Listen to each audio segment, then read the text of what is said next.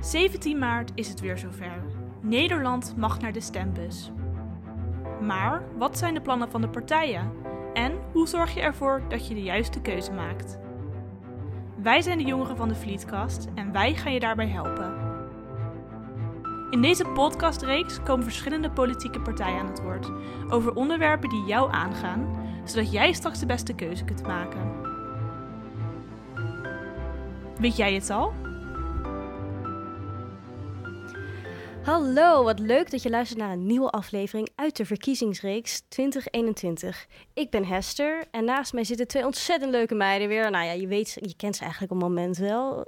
Gaan we, gaan we de namen weer eens een keertje doen? Nou ja, vooruit. Nou, ik ben Leine. En ik ben Jessica. Ja, en we hebben vandaag een, uh, een eregast van GroenLinks, Jeroen. Hi. Hi. Hoe is het? Goed. Ja? Het is goed, zeker. En uh, vertel eens wat over jezelf. Je hopen, dromen, je leeftijd misschien ook. Dat kan ook handig zijn. Laten we daarmee beginnen. We hebben het niet meteen gehad. Ik word 40 in oktober, dus het is een pijnlijk jaar uh, voor mij. Ja, is 40 een, uh, een, een pijnlijkere denk, dan 30? Ja, vind ik wel. Ik vond 30 niet zo'n ding. Maar 40, ja, als ik het straks ben, dan ben ik er waarschijnlijk weer overheen. Maar het is toch wel een, een leeftijd. Ja, ja. ja. ja. ja dat is, het is het begin. Maar dan is 41 dan denk je beter? Ja, dan ben je het al. Dan is het toch Ja. al verloren. Ja, precies. Precies, dan, Dan zit je, dan sta je je weer in het begin, weet je. Zo Dan ben je weer... het. een- een- Dan ben je over de drempel heen. Ja, dan ben je begin. 40 dan ben je weer jong voor je Zo gevoel. is het. Zo is het. Daar, zo- daar doe ik het voor. Daar doe ik het voor. Ja. Eh, eh, wat wil je verder van weten? Ik ben fractievoorzitter voor GroenLinks in de gemeenteraad van Leidschendam-Voorburg. Ja. Eh, ik woon nu in Leidsendam met mijn man Martijn en onze drie katten. Eh, wat zijn mijn hopen en dromen, hoor Nee, ik dat hoef zeggen. je niet dat te is een hele grote beantwoorden. vraag. Dat hoef je niet te beantwoorden hoor. Eh. Nee, ja, want we zitten hier eigenlijk natuurlijk om de politiek vandaag. En ehm, ja, wij willen eigenlijk ook, ook altijd wel weten ehm, waarom je voor GroenLinks gekozen hebt. Ja, een goede vraag. Ehm, toen ik me wat meer in politiek begon te verdiepen, en dat was deels omdat ik het interessant vind, en ik vind het spel heel interessant. Dat vond ik al heel lang interessant voordat ik had eh, bedacht welke kleur ik zelf dan eh, eh, eh, zou aanhangen. Eh, ik heb me op een gegeven moment verdiept in eh, eh, een aantal verkiezingsprogramma's. Dat was ook half vanuit werk. Ik was met een collega wat columns aan het schrijven wat de verkiezingen zouden kunnen betekenen op ons vakgebied. Ja? En toen las ik het verkiezingsprogramma van GroenLinks. En toen dacht ik allereerst, oh, ik ben dus links. En daarna dacht ik, ik ben het met zoveel dingen eens. Misschien moet ik daar wat mee. Dus ik ben Ja. diezelfde dag nog lid geworden van GroenLinks. Eh, heel lang slapend lid geweest. Dus ik betaalde braaf eh, eh, contributie en daar hield het een beetje mee op. Ja. En toen ik verhuisde van Den Haag naar Leidschendam-Voorburg... ben ik me eens gaan eh, eh, verdiepen in of ik iets kon betekenen voor de partij. En eh, eh, nou ja, niet heel veel later zat ik eh, in de gemeenteraad. Oké, Ja. nou wat leuk.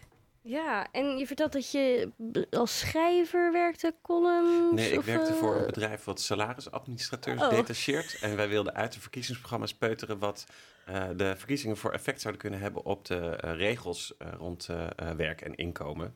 Eh, Oh. want elke eh, paar jaar verandert de politiek weer een hele berg spelregels. Daar hebben we de meeste van ons gelukkig niet zoveel last van, want salarisadministrateurs die lossen dat op. Ja. Eh, maar er verandert heel eh, eh, regelmatig wat en dan moet het hele vakgebied weer eh, op de schop. Eh, dus we dachten toen vanuit die inhoud, laten we eens kijken wat er allemaal eh, kan veranderen als bepaalde partijen het voor het zeggen krijgen. Maar dat is inmiddels een hoop jaren geleden. Dus al die regels die we toen hebben onderzocht, die zijn al lang niet meer actueel. Oké, nee. Maar het is wel interessant om er zo naar te kijken, om, eh, om het zo te bestuderen. Dat zou ik Ja. nooit eh, gedacht hebben.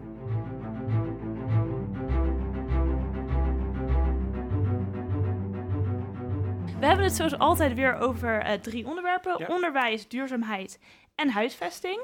En we trappen af met het onderwijs. En ik zag dat jullie een hoop ambities hebben. Ja, Ehm, ik zal het even voorlezen. GroenLinks wil dat het collegegeld omlaag gaat. Een startkapitaal van 10.000 euro. Huurtoeslag voor jongeren op kamers. De zorgverzekering naar 10 euro per maand. Eh, ja, dus dat zijn een hele hoop eh, Ja. ambities die jullie hebben. Maar hoe willen jullie dit... eh, dit is mijn favoriete vraag, zoals eh eh Ja. Leiden vorige keer Ja, zei. ze, zei, ze staat hem bij iedereen, bij elke partij. Dus ik, ik ga hem niet eens van je afpakken, dus stel hem Nee. maar. Maar anyways, er zijn heel veel dingen die jullie willen bereiken. En dan vraag ik me altijd af, hoe gaan jullie dit betalen? ja, ja, dat is een hele relevante vraag. Ik ben ook heel blij dat je hem stelt. Mooi. Eh, want die moet ook gesteld worden. Eh, wat ik heel interessant vind aan het eh, eh, landelijk verkiezingsprogramma, en dan kom ik zo bij onderwijs, maar ik denk dat dat Mhm. een goede randvoorwaarde is, eh, is dat we heel, eh, heel veel onderwerpen hebben geprobeerd niet eh, op zichzelf te bekijken, maar in een groter geheel eh, eh, te zien. Eh, onderwijs is een van die dingen, want ik ben met je eens, dat zijn nogal fikse ambities. Sterker nog, Mhm. je hebt ze nog niet eens allemaal eh, opgenoemd. Nee, ik heb vanmiddag nog even gelezen. Dat gaat een enorme smak geld kosten. En het geld wat we daarvoor nodig hebben, halen we ook niet uit onderwijs, maar komt echt uit andere hoeken. Mhm. Dus je ziet dat we vooral de belasting willen verhogen voor vervuilers. Dus echt anders willen kijken naar hoe we überhaupt de belastingen inrichten. waar we kosten neerleggen, waar we dat juist niet doen. Eh, dus daar zal een hoop geld vandaan moeten komen. Eh, en überhaupt is GroenLinks natuurlijk heel erg de partij van eh, zwaarste lasten op de zwaarste schouders leggen. Dus als het aan ons ligt, dan komt er een bijzonder rijke mensenbelasting. Eh, en gaan we ook die lasten anders verdelen. En dan ontstaat er alweer een hoop geld. Als je daar nog bovenop doet dat we op duurzaamheid een aantal grote initiatieven hebben. En willen kijken of we daar meer zelfenergie kunnen opwekken. Minder afhankelijk worden van energie uit het buitenland. Ook daar eh, moet geld beschikbaar komen. En onderwijs is een van de gebieden waar we een flinke sloot van dat geld graag naartoe zouden willen brengen. En eh, nou ja, ik zie dus inderdaad een aantal dingen staan. Mhm. En op welk termijn moet ik dan denken wanneer jullie dit allemaal gaan realiseren? Als je dat geld dan hebt. Ja, ja, dat is natuurlijk vreselijk afhankelijk van A, hoe snel het lukt om eh, dat belastingstelsel te hervormen. Want dat is over ambities gesproken. Dat vind ik misschien nog wel een ambitieuzer stuk van het verkiezingsprogramma. Eh, de wens is natuurlijk zo snel als mogelijk. Eh, in praktijk, er moet straks een coalitie gevormd worden. Dat eh, kan vreselijk lang duren, hebben we in de geschiedenis vaak eh, gezien. Ja. Als je dan zo'n stelselhervorming wil doorvoeren, ik denk dat we een paar jaar verder zijn voordat dit rond is. Maar een aantal zaken kun je natuurlijk heel snel praktisch inregelen. Hè. De compensatie voor het leenstelsel. Ik ben Mhm. vreselijk blij dat de partij het lef heeft gehad om te zeggen... nou, dat hebben we wel bedacht, maar dat was bij nader inzien toch een vreselijk slecht idee. Zo'n compensatieregeling zou je vrij snel moeten kunnen realiseren. Oké. Ehm, en iets anders wat ik zag is, ehm, ik zag in het programma iets staan Mhm. over de mogelijkheid om van het studievoorschot 40 jaar gebruik te maken. Op deze manier willen jullie het volwassenen makkelijker maken om te studeren. Mhm. En toen dacht ik, hoe moet ik dit voor me zien? Eh, krijgt iedereen dan voor 40 jaar lang een basisbeurs? Of wat is dit eh, precies voor een plan? Ja, het zal afhankelijk zijn van de wens om te gaan studeren. Dus als je dat niet doet, dan, dan kun je daar volgens mij geen aanspraak op maken.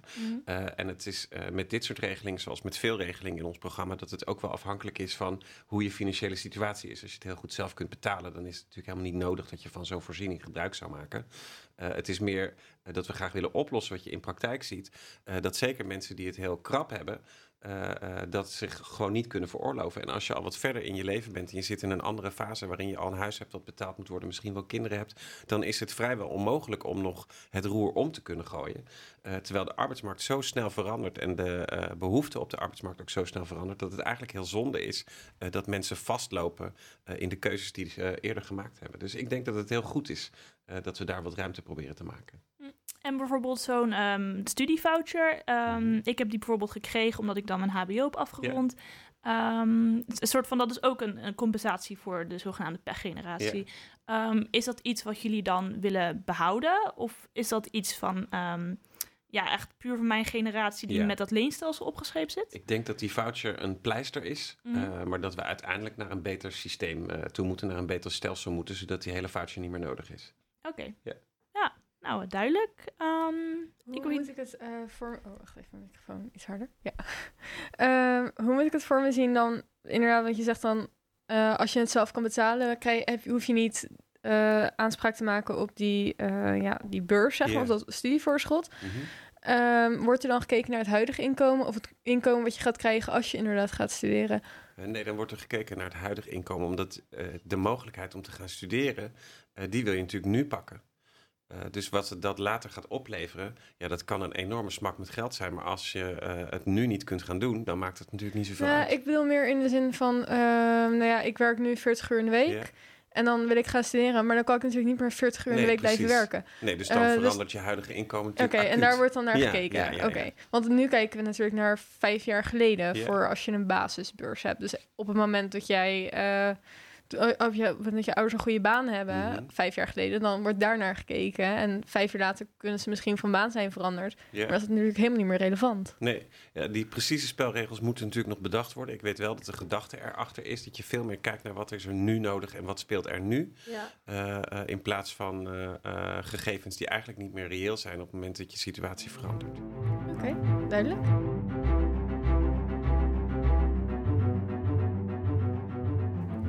Yes, nou dan denk ik eh, dat we het over duurzaamheid gaan hebben, want dat is natuurlijk een, eh, ja, een groot onderdeel van jullie, eh, van jullie partij. Ja. Ehm, we hebben eerst nog even ter introductie een deuntje. Wow, wow, no cow.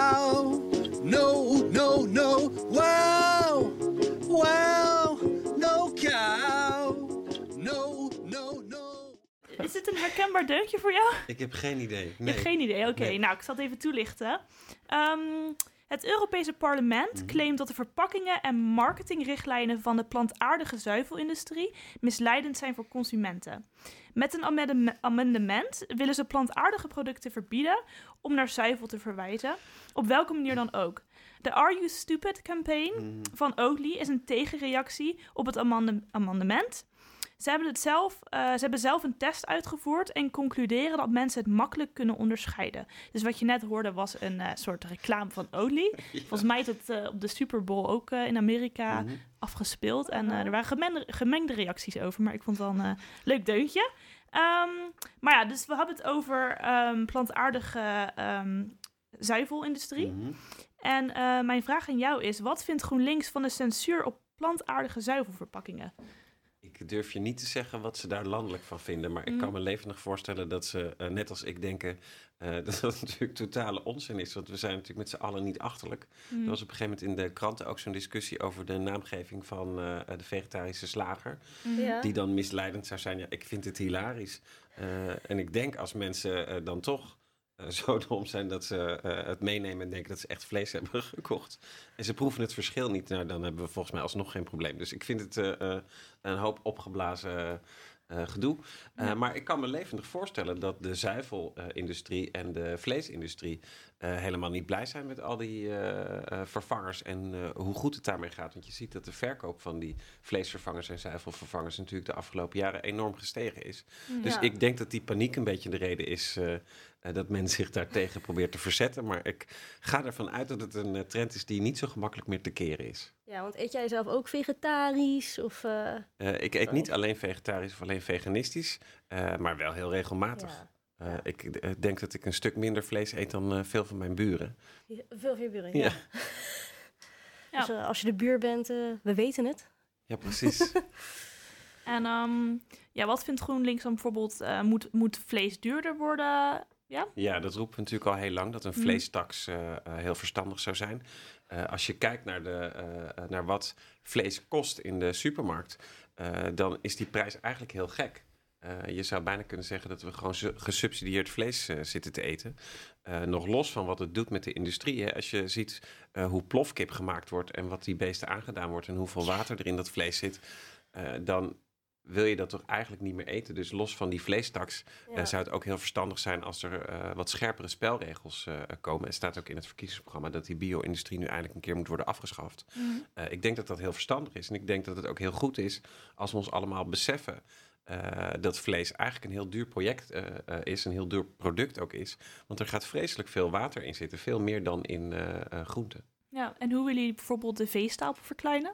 Als we dan toch hebben over Ja. het verminderen van vlees. Ja, hoe we dat willen doen, Ja. eh, vind ik een mooie vraag. Ik vrees dat ik je daar het antwoord schuldig op moet zijn, want ik zit echt niet diep genoeg in dat eh, eh, onderwerp. Wat ik wel weet is dat we heel groot willen inzetten op circulaire landbouw, überhaupt op circulaire economie. Dus het zal er waarschijnlijk als volgt uitzien. In de loop van de komende jaren moeten we die spelregels veranderen. Moeten we ook zorgen dat de bedrijven die daarmee kleiner worden, geholpen worden om dat goed te doen. We willen natuurlijk niet dat al die boerenbedrijven ineens omvallen. Dat is Nee. absoluut de ambitie van de partij eh, niet.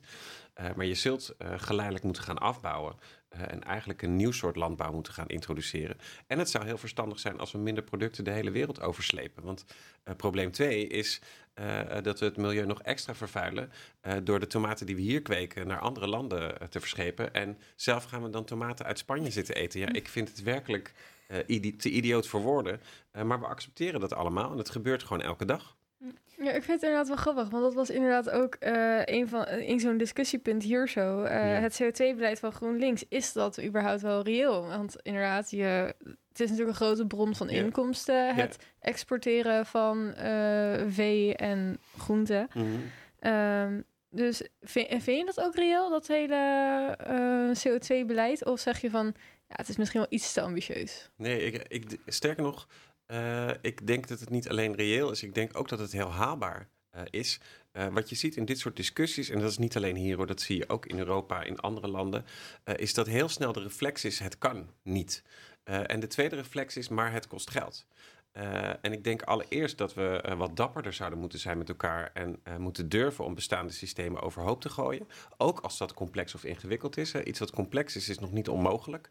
En ik denk dat het heel verstandig is dat we met elkaar een keer besluiten dat niet geld altijd de dominante factor is in besluiten nemen. Ja, misschien kost het geld. Sterker nog, misschien slaat het zelfs nog een klein deukje in de economie als je dat doet. Maar er zijn een hoop andere aspecten van het leven die minstens zo belangrijk zijn. Hè. Welzijn is niet alleen in euro's uit te drukken. Eh, en gezond met de aarde omgaan is al helemaal niet eh, in euro's uit te drukken. Eh, want dan zou de aarde er een stuk beter bij staan met al dat geld dat hier rondgepompt wordt. Dus ik denk dat we onze prioriteiten anders moeten stellen. En moeten accepteren dat we misschien wat minder gaan exporteren of minder ver gaan exporteren. En er is natuurlijk al een verschil of we onze groenten naar China verschepen of naar de buren. Dat scheelt een hoop vervuiling. Nog een andere vraag. Ehm, bijvoorbeeld duurzaam leven. Mhm. Vind je dat dat de verantwoordelijkheid is van de overheid om ervoor te zorgen dat, eh, ja, dat het makkelijker wordt voor de consument? Of denk je echt dat het puur eh, een individueel eh, vraagstuk is? Ja, ik denk dat die zo zwart-wit eh, niet te bekijken is. Mm. Ik denk dat je er geen individuele verantwoordelijkheid van kunt maken. Want sommige mensen kunnen dit zich simpelweg niet veroorloven. Ja. Ik denk ook dat de kaders, eh, de mogelijkheden die we hebben om dat te doen, eh, niet altijd eh, goed zijn. En soms kan het praktisch ook niet. Hè. Als je in een huurhuis woont, dan kun je niet zelf besluiten om zonnepanelen op je dak te leggen, want dat dak is niet van jou. Ja. Dus je moet dat met elkaar doen. Eh, en zo staat het ook in het verkiezingsprogramma. Volgens mij staat er ergens eh, eh, letterlijk een zinnetje dat we het mensen mogelijk moeten maken om te verduurzamen. En je ziet ook dat heel veel mensen dat best willen. Vanuit de gemeente Leidschendam-Voorburg is op een gegeven moment een reeks gesprekken gevoerd met inwoners over dit vraagstuk. En daar merk je ook dat heel veel mensen, los van politieke kleur, heel erg openstaan om te vergroenen en te verduurzamen. Maar ook zeggen, ja, dit is zo'n complex onderwerp, ik kan dat niet in mijn eentje. Eh, en ik denk dat dat heel logisch is. Eh, dus ik denk dat de overheid daar een grote rol in heeft. Mhm. Ik denk ook dat het individu een grote rol heeft, maar dat die eh, pas gepakt kan worden als de overheid het mogelijk heeft gemaakt om daar je steentje aan bij te dragen. Ja, en je zegt, eh, er zijn best wel veel mensen die het inderdaad ook willen, Ja. een duurzamer leven. Ehm, maar je hebt waarschijnlijk ook heel veel mensen die, die misschien, je hebt natuurlijk van die klimaatskeptici. Ja. Hoe maak je het nou voor deze mensen aantrekkelijker om duurzaam te leven? Dus mensen die er eigenlijk helemaal geen zin in hebben. Ja, ik denk dat we moeten beginnen met de mensen die er wel zin in hebben. eh, En dat je eh, langzaam die golf moet laten ontstaan. eh, bijna een trend moet laten ontstaan. En dan komen die mensen vanzelf al. Ik denk dat het onverstandig is om ons nu primair te focussen op mensen die er geen zin in hebben. Ja. Er waren twintig jaar geleden ook veel minder mensen die zin hadden om een paar dagen per week geen vlees te eten. Die groep is enorm gegroeid. Eh, je had het net over eh, het durven doorbreken van het systeem wat er nu is. Mhm.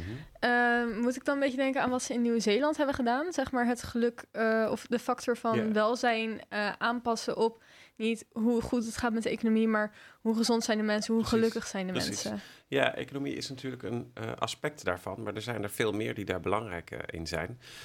Dus ja, ik denk dat dat een goed voorbeeld is. Wat ik een mooi voorbeeld vind uit het verkiezingsprogramma is ook eh, dat we eh, op allerhande financiële systemen een keer een groene sticker gaan plakken. En dus bijvoorbeeld zeggen eh, tegen banken, we willen dat je in, je, in het bekijken van de risico's van de investeringen die je doet, niet alleen kijkt naar euro's, maar ook kijkt naar hoeveel CO2-risico zit daar nou in, hoe vervuilend kan dat zijn. Je ziet dat we in het belastingstelsel in brede zin die groene sticker willen plakken. Dus willen zeggen, eigenlijk zou je overal moeten kijken, niet alleen wat zijn financiële risico's, wat kan dit doen met onze economie, maar ook wat doet het met, ons, eh, met onze eh, omgeving, wat doet het met het klimaat. Eh, als je die al meeneemt, dan ben je met een andere bril aan het kijken naar dezelfde vraagstukken. En door het juist te integreren in systemen die er al zijn, ben je niet weer een soort nieuw afvinklijstje aan het maken. Ja, oké, duidelijk. En als we even teruggaan naar ehm, ja, jullie manier om die klimaatdoelen te Mhm. halen. Ehm, ik heb begrepen dat jullie fel tegenstanders zijn van eh, kernenergie. In het debat op RTL hoorde ik eh, Jesse ook zeggen eh, dat Rutte en Hoekstra leugenaars waren. Ja. Ehm, Maar bijvoorbeeld, ik heb hier met iemand van de VVD hebben we gezeten. En die zegt, ja, je hebt bijvoorbeeld ook momenten dat bijvoorbeeld... ehm, eh, dat er geen zon is of dat er geen wind is. En dan moeten we die energie halen uit landen zoals Rusland. Dan zijn we afhankelijk van bijvoorbeeld vervuilende landen die het op een minder goede manier doen. Ehm, hoe los je dat bijvoorbeeld op als er, ja, Ja, waar, waar eh, Jesse Klaver zo fel op reageert, eh, is dat de termijn voortdurend wordt vergeten. Want eh, ook die partijen Ja. die kernenergie willen zeggen, we moeten natuurlijk inzetten op andere vormen van energie. Denk aan waterstof, denk aan thorium. Zo'n kerncentrale is er niet morgen. Dat, het duurt vreselijk lang om zo'n apparaat te bouwen. Eh, kost ook vreselijk veel geld. Eh, hè, er wordt wel eens gezegd, ja, windmolens worden gesubsidieerd. Nou, dat is met een kerncentrale echt niet anders. Eh, en je gaat er toch van uit, althans dat hoop ik, dat tegen de tijd dat die kerncentrale af zou zijn, er veel slimmere manieren zijn om energie op te wekken. Eh, en er zijn ook gewoon minder vervuilende manieren om energie op te wekken. Als we eh, windmolens op de Noordzee zetten. Ja, ik snap dat dat eh, voor sommige mensen vervelend is dat het uitzicht net wat minder is op een superheldere dag. Want ze staan zo ver dat je ze vanaf het precies, strand niet zou moeten kunnen zien. Precies, dus eh, ook daar eh, worden dingen uit proportie geblazen. Eh, maar we weten als we dat doen, dat we een hele veilige, gezonde vorm van energie hebben. En het risico nemen om een kernenergiecentrale te bouwen. Ja, we weten allemaal dat het uiteindelijk per definitie ongezond en vreselijk gevaarlijk is. Dus eh, er is wat GroenLinks betreft echt geen enkele goede reden om, eh, eh, om daar weer in te duiken. Ah. Eh, daar moeten we zo snel mogelijk van af. En ja, het is waar dat we nu energie uit Rusland eh, importeren. Maar dat doen we de komende tien jaar nog steeds. Ook als de VVD het voor elkaar krijgt om een kerncentrale te bouwen. Want die staat er niet morgen. Nee, maar oké, stel nou dat, de ker dat eh, we toch een kerncentrale Ja. gaan neerzetten. ehm, dan zouden we bedenken dat we het niet meer uit Rusland hoeven te halen over tien jaar of whatever. ja. Eh, dat is natuurlijk niet het geval. Als we Nee. zeggen, we gaan geen kerncentrale doen. Dan Eh, nee, dat klopt. Maar dan hebben we over tien jaar ook een kerncentrale staan eh, waar het vreselijk mis kan gaan. Ja. En ik denk niet dat we graag zouden willen dat Zeeland in Fukushima verandert. Want er wordt nu geflirt met dat Zeeland wat mogelijk interessant zou vinden. het is uiteindelijk natuurlijk gewoon een hele vervuilende, ongezonde en gevaarlijke vorm van energieopwekking.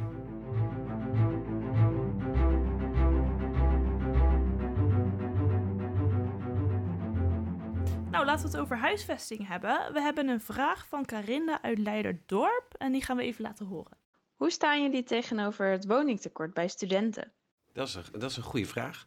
Eh, ik hoor hem nu specifiek op studenten, maar het is natuurlijk uiteindelijk een veel groter eh, eh, probleem. Eh, dus misschien moeten we beginnen met het grote probleem. Er moeten heel veel huizen bij. Eh, dat vinden overigens eh, een hoop partijen van links tot rechts eh, in de Tweede Kamer. Dus ik hoop dat na de verkiezingen men daar eindelijk op door gaat pakken en dat het niet bij papier blijft. Ja. Ehm, voor studentenwoningen is dat natuurlijk al niet veel beter, want er is gewoon een, een groot tekort. GroenLinks heeft in het programma specifiek staan dat we ook voor die doelgroep aparte woningen moeten gaan bouwen. Dus dat het niet allemaal eensgezinswoningen moeten worden. Volgens mij staat er ook in het landelijk programma om te kijken naar wat flexibeler en wat origineler woonvormen waarin studenten niet alleen kunnen wonen, maar ook elkaar gemakkelijker ontmoeten. Eh, dus eh, echt plekken die er van tevoren al op ingericht eh, zijn. En eentje die specifiek genoemd wordt in ons programma is dat we de leegstand willen tegengaan. Door ofwel daar nieuwe woonruimte in te creëren, ofwel tegen de vlakte te gooien en die beperkte buitenruimte die we hebben te gebruiken voor andere woningen. Eh, eh, ik denk in de basis dat het belangrijk is dat we veel meer woningen gaan bouwen en ook in het juiste segment gaan bouwen. Ik woon zelf in eh, Leidschendam-Voorburg, een gemeente waar vooral graag grote huizen gebouwd worden. En dat is natuurlijk heel lucratief voor ontwikkelaars om dat te doen. Maar we moeten echt vasthouden aan ook de vraag naar sociale woningen. De vraag naar eh, woningen waar je in je eentje kunt wonen. Die hele woningmarkt is natuurlijk heel erg ingericht op gezinnen. Terwijl je ziet dat het gemiddeld aantal personen per huishouden al jaren daalt. Ja, daar moeten we iets mee op die woningmarkt. ja. Ehm, ja, het, het lijkt, ja, volgens mij was het ook onze volgende vraag eigenlijk, Mhm. is dat je, eh lijkt me best wel een dilemma voor GroenLinks. Jullie zijn natuurlijk voor meer groen, maar jullie zeggen ook, ja, we willen meer woningen. Mhm. Maar waar ga je die woningen dan bouwen? Want dat kan ook ten koste gaan van dat groen bijvoorbeeld. Ja. Ja, en dat staat zelfs, die paradox staat expliciet in het programma. Want er staat, eh, ik las vanmiddag nog het zinnetje, in het groen tussen steden en dorpen wordt niet gebouwd. Eh, dus dat betekent inderdaad dat we in de omgevingen waar al veel gebouwd is, eh, meer zullen moeten bouwen. Misschien de hoogte in moeten of bestaande bouw moeten vervangen voor slimmere gebruik van je buitenruimte. Bijvoorbeeld door inderdaad huizen te bouwen voor kleinere, kleiner samengestelde gezinnen. Eh, zorgwoningen is natuurlijk ook zo'n vraag die de laatste jaren eh, steeds meer oppopt. Die hebben andere woningen nodig dan een regulier gezin. Dus ik denk dat we vooral moeten kijken hoe we slim gebruik kunnen maken van de beperkte ruimte die we hebben, zonder dat groen aan te tasten.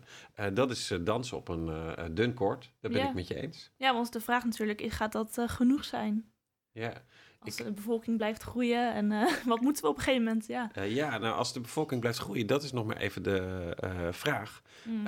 Omdat er inmiddels best een hoop onderzoeken opduiken die zeggen de kans is heel groot dat in de komende decennia de bevolkingsgroei juist in krimp gaat omzetten. Okay. Uh, dus ik weet niet of we oneindig blijven doorgroeien. Ik maak me daar wat minder zorgen om. Uh, je ziet wel dat we op dit moment gewoon veel te weinig uh, woonruimte hebben. En dan uh, nog even los van daklozen, hè, waar we er ook nog steeds heel veel van hebben in Nederland. Wat heel gek is in een uh, rijk land als dat van ons, zie je ook gewoon dat mensen heel lang moeten wachten voordat ze een plekje kunnen vinden. Ik vind het interessant dat je dit zegt. Want ik heb het toevallig gisteren had ik het met een paar vrienden over daklozen. Eh, deze vrienden wonen in Amerika in verschillende eh, staten. En toen vroeg een van mij van, zijn er veel daklozen in Nederland? Waarop ik zei, ja. En toen zei ze, hoe weet je dat? En toen zei ik, ja, dat weet ik niet, maar dat weet ik gewoon. Maar ik zie ze nooit. Eh, en toen zei ze, we hadden het erover, want in Mhm. Austin hebben ze nu een, een wet of een regel weggedaan waar dus nu eh, je overal mag kamperen in de Mhm. stad. Dus daklozen kunnen nu Ja. in een tent gewoon waar dan ook staan. En dacht ik, ja, dat, ik zie ze ook nooit in Nederland. Nee. Dus waar zijn ze eigenlijk? Ja, was mijn grote vraag. Waar zijn ze eigenlijk? Ik moet je heel eerlijk zeggen dat ik ze in Leidschendam-Voorburg ook zelden zie. Er is één meneer die ik af en toe eh, zie rondzwerven. Eh, maar in grote steden zijn ze wel degelijk. Ja. Eh, en is het best een groot probleem. Eh, en je ziet dat ook in onze regio. Den Haag vangt een hoop dak- en thuislozen op voor de eigen gemeente en de gemeenten eromheen. Ja, dus ze zijn er wel degelijk en eigenlijk is dat heel gek. Eh, en eh, zegt GroenLinks gelukkig in het landelijke verkiezingsprogramma eh, dat wonen ook een basisrecht zou moeten zijn. ja. We doen alsof dat alleen maar een markt is waar een hoop geld aan te verdienen is.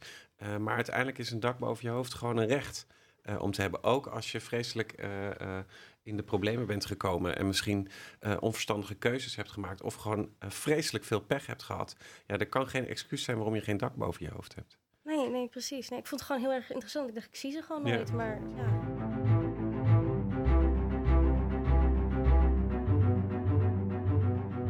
Nou, we geven ehm, elke partij ook altijd nog de kans. Nee, elke partij, wat zeg ik nou? persoon. We geven ook altijd jullie nog een kans om, ehm, ja, om een punt uit het eigen partijprogramma toe te lichten. Ja. En eh, ja, welk, welk punt wil jij graag toelichten vandaag? Ja, ik, ik kreeg die vraag natuurlijk en toen dacht ik, eh, dan is het eigenlijk wel interessant om eh, mijn gemeenteraadslidmaatschap te koppelen. Hè? Want ik vind het prima om te praten over ons landelijke verkiezingsprogramma, maar daar heb ik natuurlijk normaal helemaal niet zoveel mee van doen. Want in de gemeenteraad hebben we ons eigen verkiezingsprogramma en zijn de uitgangspunten natuurlijk precies hetzelfde. Eh, eh, maar zijn we bezig met dingen die iets lokaler zijn. Ja. Eh, wat heel interessant is aan deze verkiezingen, wat mij betreft, is dat het weliswaar landelijke verkiezingen zijn, maar dat ze hele grote effecten kunnen hebben op gemeentes. In Mm. de afgelopen jaren zijn heel veel taken van het Rijk overgeheveld naar de gemeente. Als je kijkt naar werk en inkomen, dan hebben we de participatiewet, de WMO. Eh, eh, is overgeheveld, dus huishoudelijke eh, hulp en zorg, zelfredzaamheid, dat soort mooie termen. Ook Mhm. allemaal naar de gemeente. Jeugdzorg is naar de gemeente gegaan. De wet inburgering komt eraan. Eh, de omgevingswet komt eraan. De gemeente heeft heel veel taken van het Rijk overgenomen. Eh, en je ziet dat een hoop partijen daar gelukkig wel wat van vinden. Dat inmiddels de consensus eh, ook wel is. Ja, de gemeenten hebben misschien toch niet genoeg geld om hun taken uit te voeren. Eh, dat zei GroenLinks al toen die decentralisaties werden ingevoerd. Maar fijn dat zelfs de VVD inmiddels snapt dat het niet kan. Eh, het zou heel verstandig zijn om op een partij te gaan stemmen volgende week. eh, die daar verstandige oplossingen eh, voor heeft. Ik was heel blij om in het programma van GroenLinks te lezen.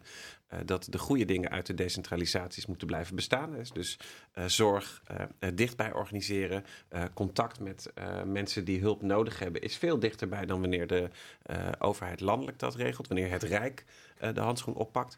Maar er zitten gewoon bepaalde zaken in die zo complex zijn. Als je kijkt binnen de jeugdzorg, dan zijn er zulke complexe gevallen te vinden. Dit is misschien helemaal niet zo verstandig om dat bij een gemeente neer te leggen, omdat het zulke specifieke hulp vraagt Eh, en ook nog vraagt dat al die gemeenteraadsleden, die meestal dit naast hun werk doen, eh, niet Mhm. onbeperkte tijd hebben om zich erin te verdiepen. Ja, heel eerlijk, ik zit in onze gemeenteraad me wel eens af te vragen of iedereen nog wel begrijpt waar we mee bezig zijn. Omdat het zo complex eh, verkokerde wetgeving is die over de schutting is gegooid. Het zou heel goed zijn als we die decentralisaties een beetje slim repareren. Eh, door enerzijds de echt ingewikkelde taken terug te nemen. En anderzijds gemeentes beter toe te rusten om dat werk te doen. Dus bijvoorbeeld het mogelijk te maken dat we meer expertise eh, inhuren. Dat we Mhm. die ontschotting eindelijk een keer eh, voor elkaar krijgen. Dus dat iemand die meerdere problemen heeft, niet aan allerhande ver- verschillende loketjes moet komen, maar gewoon met één iemand van de gemeente in gesprek kan. Mhm. Om te kijken wat kunnen we voor jou doen? Hoe kunnen we zorgen dat je weer autonomie krijgt, dat je Ja. mee kunt doen? Eh, dat zou ik heel verstandig vinden. En alle eh, partijen zeggen daar iets over, maar niet alle partijen zeggen daar, eh, wat mij betreft, voldoende verstandige dingen over. Oké, en als, je, als we dan kijken naar Leidschendam-Voorburg, wat zou dan iets zijn dat jij zou willen veranderen? Ja. Wat heel goed zou zijn als GroenLinks zou gaan besturen landelijk, dan komt er waarschijnlijk meer geld richting de gemeentes überhaupt om dat sociaal domein te bedienen. Dan zijn we Mhm. ook af van onzinnige discussies over bezuinigen op de zorg of eh, discussies over wanneer stoppen we er dan mee. Dat kan namelijk helemaal niet, want we hebben gewoon een zorgtaak, eh, gelukkig maar. Eh, maar het zou een hoop van dat soort discussies schelen. En het zou betekenen dat we ons weer op de inhoud kunnen richten. Dus ons kunnen gaan afvragen hoe we de jeugdzorg slimmer en beter kunnen maken. En kunnen zorgen op lange termijn dat niemand buiten de boot valt. In plaats van voortdurend discussies voeren over geld. Eh, want daar gaat het nu over. Ondanks dat we daar niet zoveel invloed op hebben, hoor je in onze gemeenteraad en in heel veel gemeenteraden in het land eh, eh, debatten over jeugdzorg of over WMO of over de participatiewet, waar geld voortdurend een issue is, terwijl we juist over de inhoud zouden moeten praten, om waar te maken dat het bij de gemeentes in betere handen is, omdat het dichterbij is. En daar komen we nu gewoon vaak niet toe, omdat het een knakenkwestie is.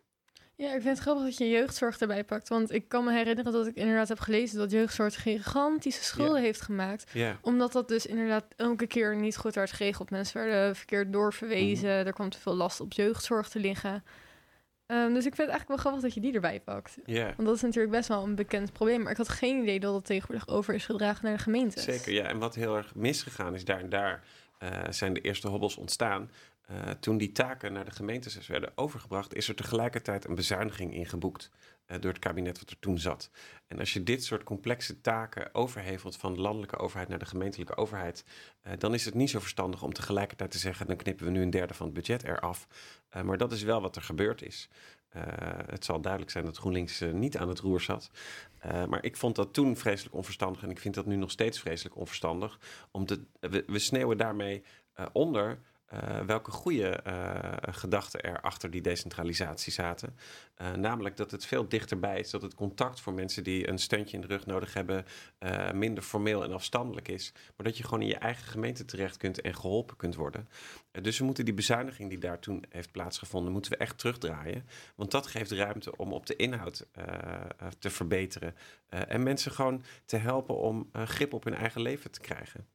Ja, vind ik mooi. En ehm, nou, bij de verkiezingen dan eh, kiezen we natuurlijk altijd onze volksvertegenwoordigers uit. En als we dan toch over lokaal niveau gaan hebben. Ik had ook begrepen dat er partijen zijn. Ik weet niet meer of GroenLinks erbij hoort. Ik weet het niet. eh, die zeggen, laat de burger ook bijvoorbeeld een eigen burgemeester kiezen.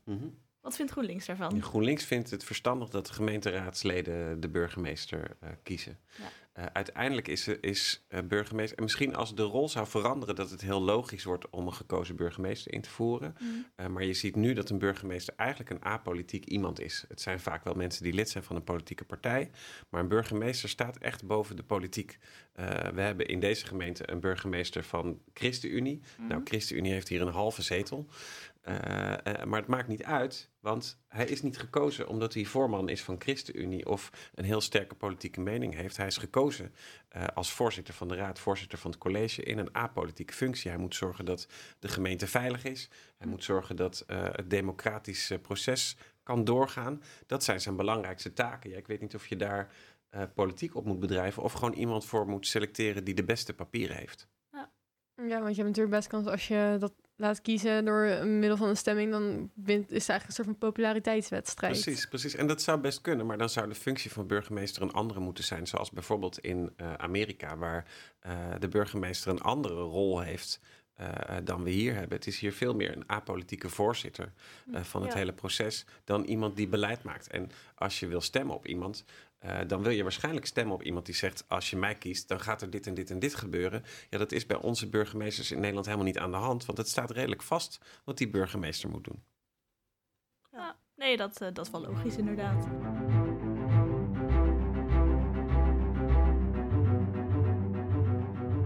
We hebben ook altijd nog een tip van de week. En die had Lijnen verzonnen deze keer. Tip van de week. Tip van de week. Ja, ehm, ik had het er met eh, Marie-Christine Mhm. over ehm, dat zo'n partijprogramma komt. Uh, er zal wat pro- partijprogramma, laat ik dat er eens even vooropstellen, is natuurlijk nooit het idee van één persoon. Dat wordt Nee. natuurlijk van de hele partij ehm, samengevoegd.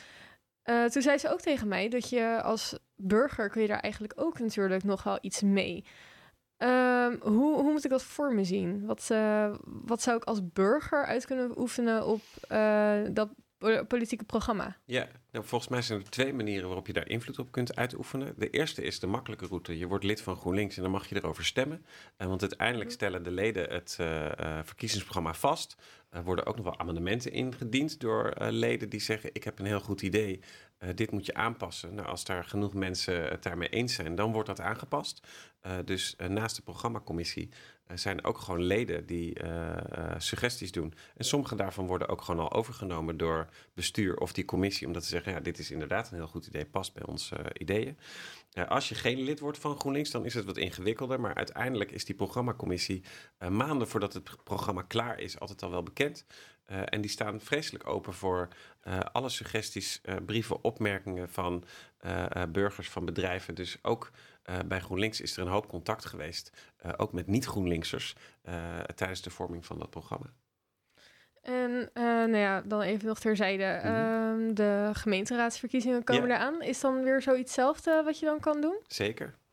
Ja, oké, Zeker. leuk. Ons verkiezingsprogramma moet nog geschreven worden, dus je, je kunt er nog een hoop invloed op uitoefenen. Ja, dat duurt nog wel even, toch? Eh, Het is, volgend jaar, eh, ja, begin volgend jaar. Dus Ja. als je dat dan, ik denk dat dan nu ongeveer dat programma een beetje eh, De samen wordt commissie is eh, samengesteld, dus we gaan uh, langzaamaan uh, uh, beginnen. Zeker al die lokale partijen beginnen zo nu uh, wel een beetje na te denken over de nieuwe lijst, over het nieuwe programma. Uh, dus dat komende jaar gaat er nog een hoop gebeuren. Nou ja, Dus bij deze, mocht je te laat zijn voor uh, het landelijke, kun je altijd nog de lokale politiek uh, beïnvloeden. Zo is het. En uh, hoe, hoe kan ik de, of waar, dan moet je lid zijn, toch? Ook voor de lokale. Uh... Als je een uh, briljant idee hebt, uh, dan hoef je daar geen lid voor te zijn. Oh, nou, dan weten we dat ook. Je kunt gewoon contact met ons opnemen, is allemaal niet, er staat geen hek omheen, dus voel je vrij.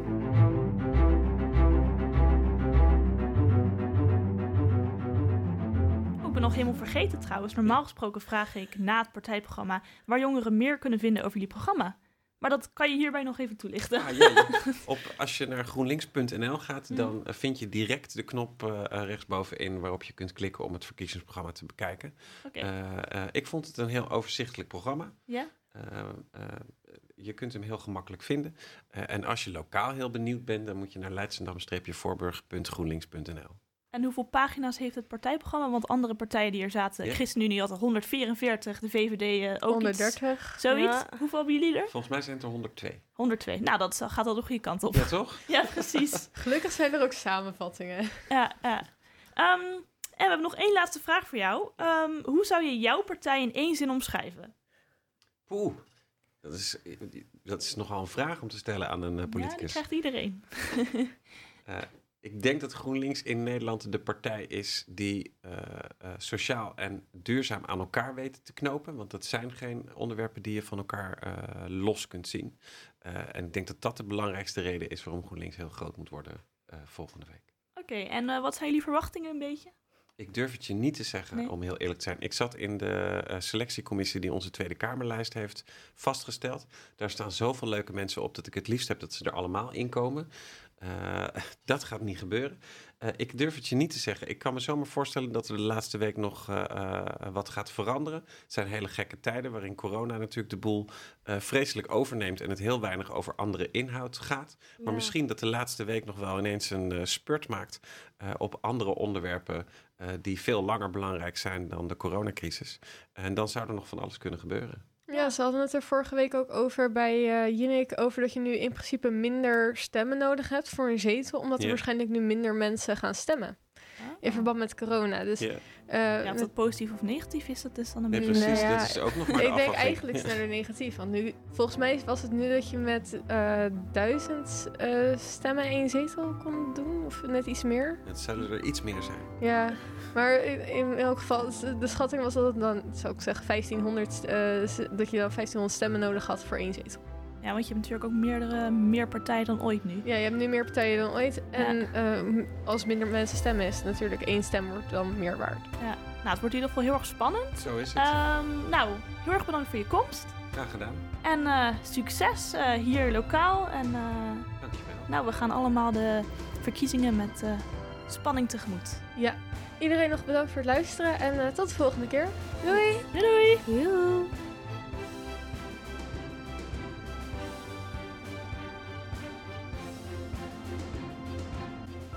Je luisterde naar een aflevering van de Vlietcast uit de verkiezingsreeks 2021. Op de hoogte blijven wanneer een nieuwe partij aanschuift? Volg ons dan op Instagram.